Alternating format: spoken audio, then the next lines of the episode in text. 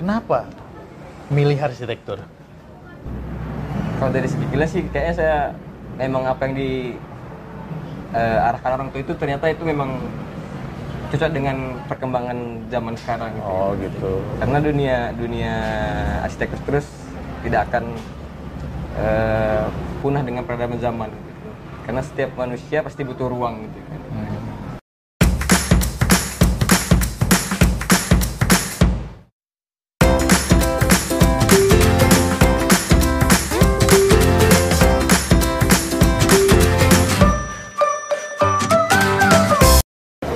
Halo, selamat siang. Kami dari Nongkrong Bareng Arsitek. Eh, kebetulan hari ini episode pertama ya, bincang-bincang di depan kamera. Nah, di sebelah saya sudah ada salah seorang mahasiswa. Mahasiswa yang bukan sekedar mahasiswa ya. Ini mahasiswa luar biasa ini.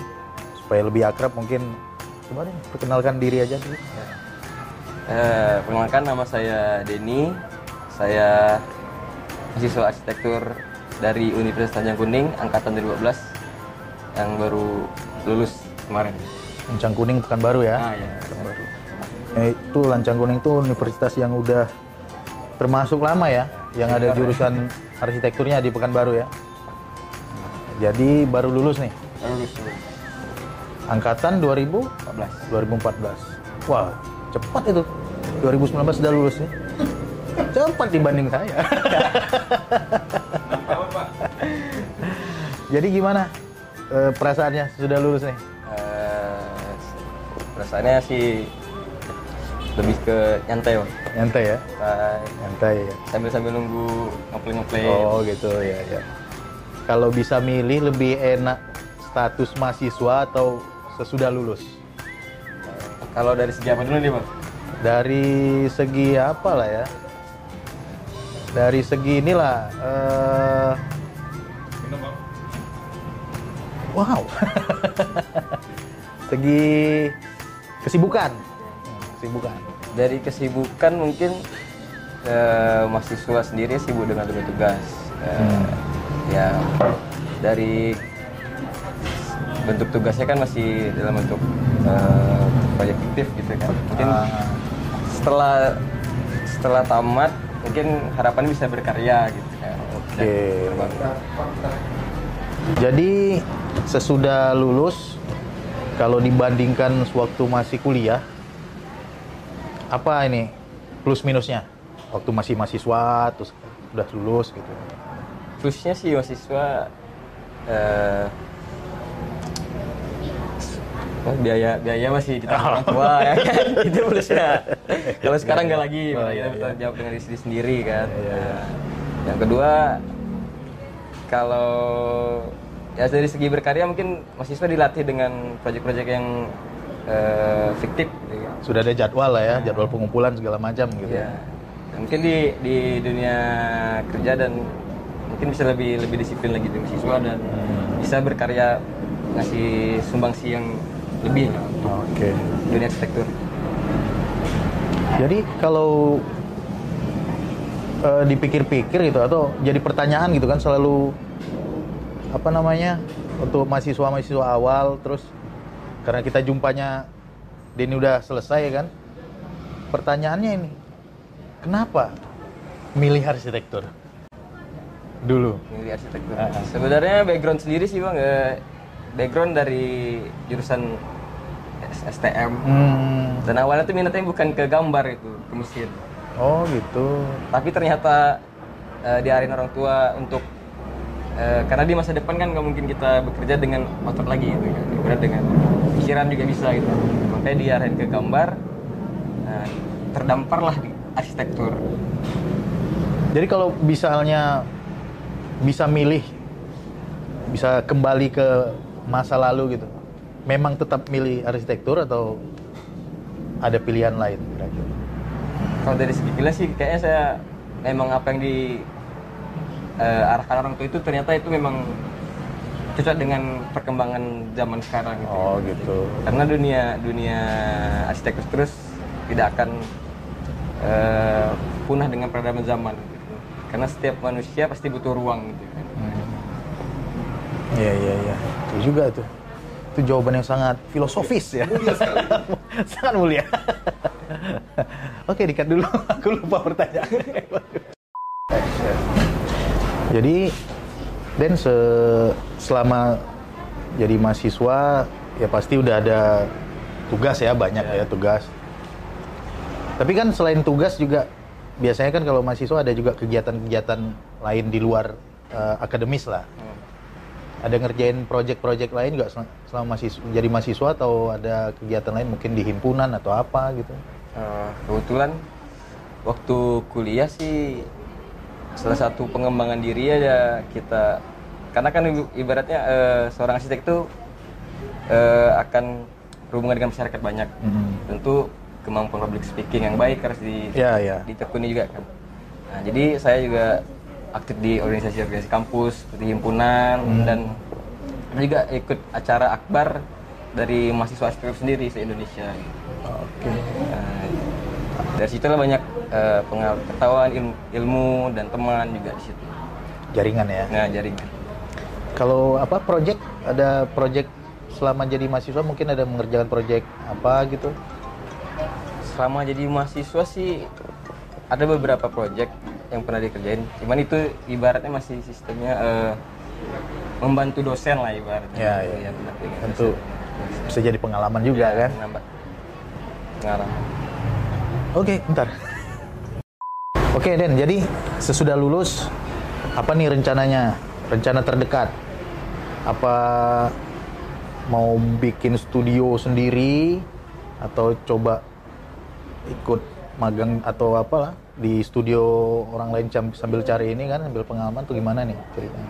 Rencana ke depan sih ngeliat sharing-sharing sama yang udah punya studio sih memang ada rencana bikin studio mungkin dari segi pengalaman dan dan lain kayaknya mas harus perlu banyak mengeksplor lagi mungkin kemungkinan akan eh, kerja di luar dulu beberapa tahun mungkin akan setelah itu mungkin akan balik dan Oh, bekerja tetap di sini. tetap ujungnya Jadi- punya studio sendiri ya pengennya. ya? lebih mengembangkan diri dulu gitu kan Iya iya iya ya. Biar tahu inilah ya Iya. tantangan-tantangan Iya. ke depan gimana ya. Kalau sekarang ini berarti eh, sesudah lulus itu otomatis sekarang apa ini apanya? Eh, gelarnya apa sekarang? gelarnya sekarang di Udah bukan ST lagi? kampus sendiri udah ganti gelar jadi sarjana arsitektur jadi Oh. SARS berarti? ya sarjana arsitektur SARS Bisa lebih keren ya. Ini ada semacam kalau kita yang ST bisa nggak ya di rumah gitu? Eh, Oke lah. Nah, terakhir nih eh, dalam berkarya biasanya siapa sih referensinya gitu? Maksudnya karya-karya gaya apa? Atau arsitek idolanya lah dari ini siapa nih? kalau arsitek idola satunya sih kemarin sempat magang juga di tempat arsitek idola juga. Kebetulan eh, di Akanoma Studio. Kanoma eh, berarti tempat Bapak Yusing. Oh, sing satunya itu. Tapi eh, beberapa seperti kayak Mangun Wijaya juga. Hmm, juga salah satu idola kamu bangun ya. Berapa lama di studio Akanoma? kemarin waktu magang itu tiga bulan sampai empat bulan lah Oh, lumayan juga ya. ya Apa yang paling berkesan tuh? Sewaktu magang. Eh, yang pertama sih nuansa studionya yang cair, friendly banget gitu ibaratnya eh, antara bos dan anak magang dan staff eh, saling berbaur itu jadinya. jadi satu yang bikin saya atau dicontoh sih gitu kalau di, saya, saya harus terlalu kaku juga karena saya sendiri pun gak suka formal-formal banget Iya, iya, iya. Ya, kesannya pun udah agak formal sekali nih ya. sebenarnya. ini kayak interview apa? Interview kerja ini. Tapi nggak apa-apa. Oke, jadi tanggal 19 April 2019 sesudah pemilu NBA akan mengadakan NBA Plus ya, NBA Plus di Elcis. Salah satu pembicaranya Denny ya. Jadi nanti mau cerita apa tuh di Eh, NBA? Jadi Eh, besok jangan lupa datang di NBPKU tanggal 19 April 2019. Sesudah pemilu ya. Ya. coblos, coblos. eh, akan bicara tentang tugas akhir saya Oh, tugas akhir. eh, yang berjudul mengenai pendidikan dan penelitian hutan tropis di Pekanbaru, khususnya Oh. Riau. Judulnya sangat menarik ya, ya, Ya. hutan tropis ya. Hutan tropis di Riau masih ada. Pikir udah tinggal sawit sama akasia aja udah. Nah, jadi menarik ceritanya kenapa diambil judul itu karena berangkat dari isu keresahan diri sendiri tentang hutan monokultur kita yang dibilang sawit tadi. Ini ini orangnya suka galau berarti ya. Sampai hutan aja dia galau, bagus tapi. Oke ya, kawan-kawan jangan lupa ya. Datang tanggal 19 di Elcis, Elcis, Pekanbaru. Elcis. Yang dari luar kota mungkin udah bisa mulai booking tiket. Datang ke sini, nanti ada dua orang pembicaranya. Ini salah satunya Denny. Satunya lagi nanti tunggu aja, ya kan? Oke. Oke, Den, terima kasih ya udah datang. Jangan lupa tanggal 19 April nanti acara NBA Plus di Elcis Factory. Salah satu pembicaranya Denny, khususnya untuk mahasiswa, tingkat akhir ya, supaya ada referensi. Nah, kami juga dari NBA mau mengucapkan terima kasih kepada Backcraft karena sudah menyediakan dan mendukung kegiatan NBA dengan ini ya kamera yang bagus ini, ini juga satu lagi nih. Nah, yang kurang mungkin ini ya, ini belum disediakan ini. Sekaligus untuk tempatnya di Elcis Factory. Oke, sampai jumpa tanggal 19.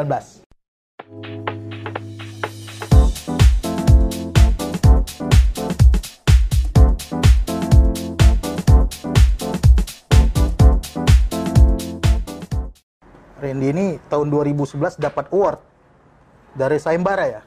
Eh, iya. Terus 2012 juga dapat penghargaan dari UGM. Wah, ini iseng-iseng berbuah manis. Coba Ya, ceritain. jadi Ren. kalau yang 2011 itu sebenarnya nggak juara tapi dapat merit award lah. Jadi kayak harapan gitu. Oke, oke, oke. Jadi tahun 2011 itu ngikut eh sayembara Future Arts. Jadi Oh, Future Art yang Future Art. majalah itu ya? betul. ah.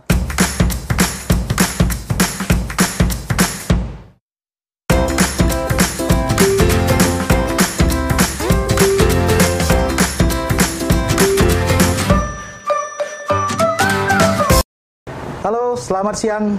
Jumpa lagi kita di Nongkrong Bareng Arstek, NBA Talk ya. Ya gitulah kira-kira ya. Eh, untuk acara di hari Jumat besok tanggal 19 April 2019 kemarin kan udah sama Denny. Dia ada dua pembicara. Sekarang kita eh, dengan Randy. Betul, Randy. Oke.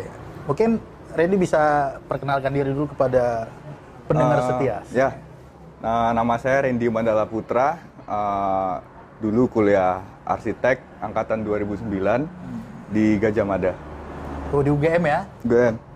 Anak pekan baru di UGM loh. Oke, pertanyaan pertama nih. Siap.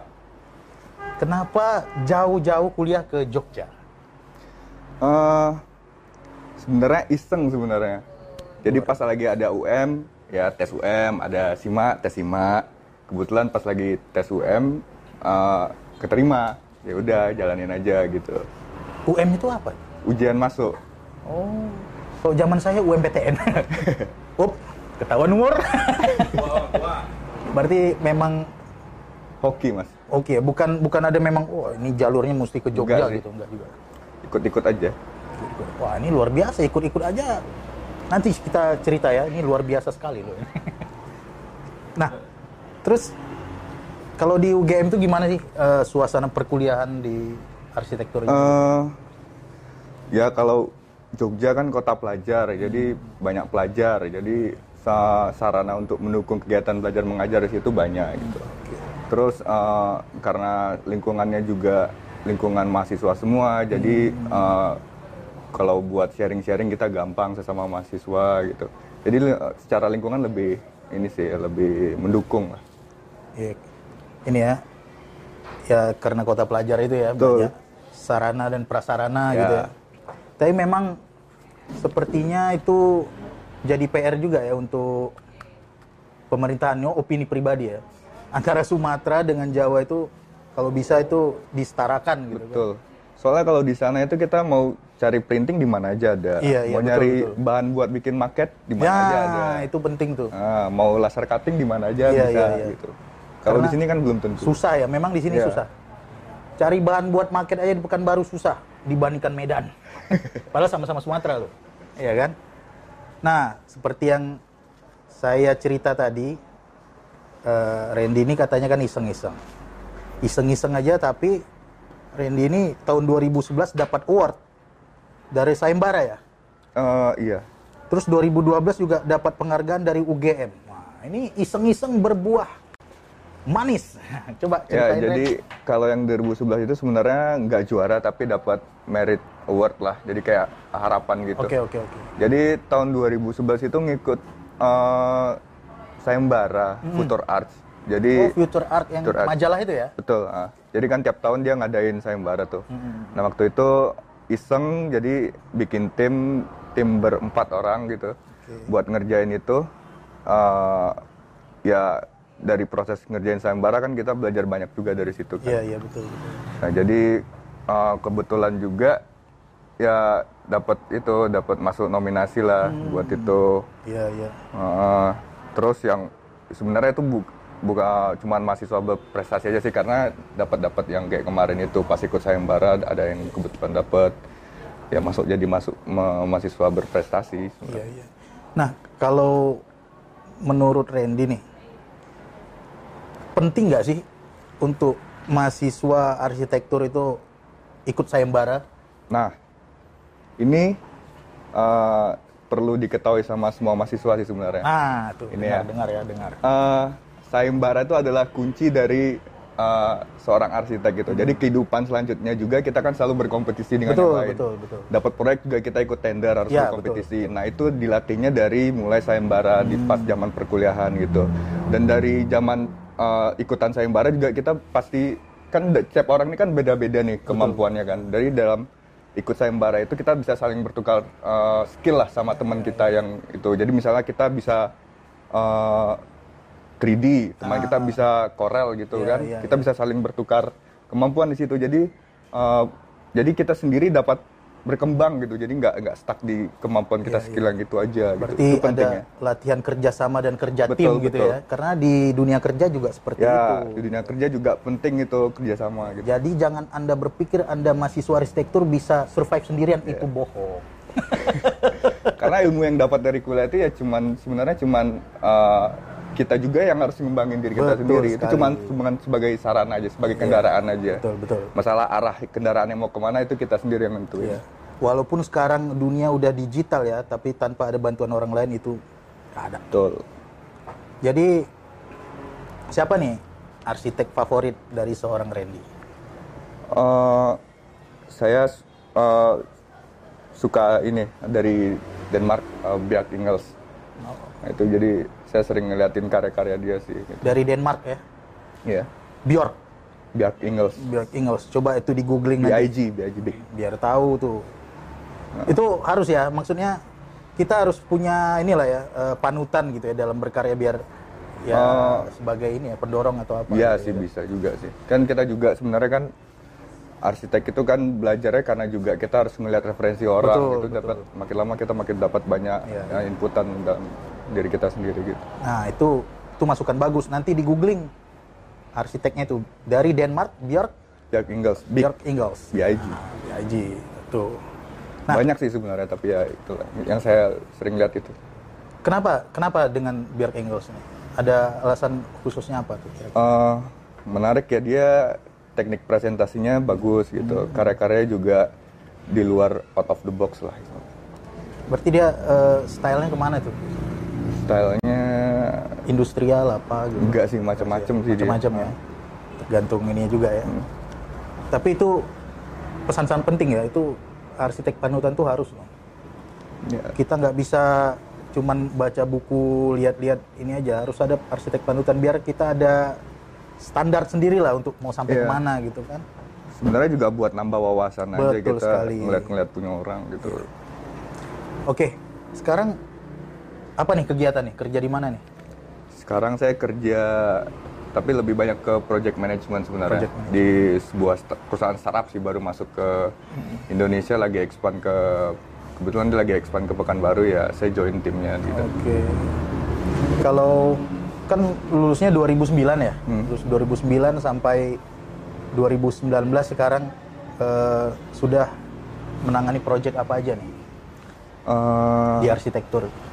dari jadi dulu pas pertama lulus saya gabungnya sama developer sebenarnya Agung Podomoro itu itu di situ belajar banyak sih tentang perumahan, housing, terus uh, mall juga ada belajar di situ, terus apartemen, Uh, terus setelah itu saya pindah pindah ke Astra itu lebih banyak uh, ketemu sama arsitek-arsitek sih sebenarnya. Kayak uh, saya dulu ketemu sama Budi Lim untuk uh, ngerjain interior Oke. terus sama PAI itu Pak Tom Elliot itu buat interior juga. Terus sama yang terakhir itu saya sebelum pindah itu sama Pak Budi Pradono itu bikin kampus Polman itu. Tapi saya udah keburu cabut kan pindah ke ini. Macam-macam sih jadi Udah, udah ke mana-mana ya berarti ya. Oke, eh, mungkin pertanyaan terakhir nih Ren. ya Kenapa pulang ke Pekanbaru gitu? Sementara kan peluang lebih banyak di luar Pekanbaru lah gitu. Kalau dari orang Pekanbarunya sendiri ngelihat ya. Mungkin ada pertimbangan khusus apa gitu. kalau menurut saya malah sebaliknya peluang justru banyak di Pekanbaru tapi ilmu banyak di Jawa gitu Nah, itu betul. Jadi mungkin kalau kita ngambil ilmu dari Jawa bawa pulang ke Pekanbaru itu lebih uh, bagus karena kita ngembangin daerah kita sendiri gitu. Jadi rencananya stay terus atau gimana nih? Uh, ya pengennya stay terus aja. Jadi bagi anda asli Pekanbaru di mana pun berada, jangan takut untuk pulang ke Pekanbaru. Di sini peluangnya banyak. loh. Tinggal kitanya aja gimana ya. Yes. Oke, mungkin itu saja. Kenapa pulang ke Pekanbaru? Udah dijawab tadi ya. Eh, sekian dulu eh, nongkrong bareng arsitek. Ini apa sih acara NBA TV ya? NBA TV. Ya, kami mau terima kasih juga ya, mengucapkan terima kasih kepada Backcraft. Ya, Backcraft, Backcraft. Untuk sarana dan prasarananya juga kepada eh, LC's Factory yang sudah menyediakan tempat. Juga kepada channel kawan jalan ya, sudah support juga. Oke, Randy, Yap, terima, kasih. kasih.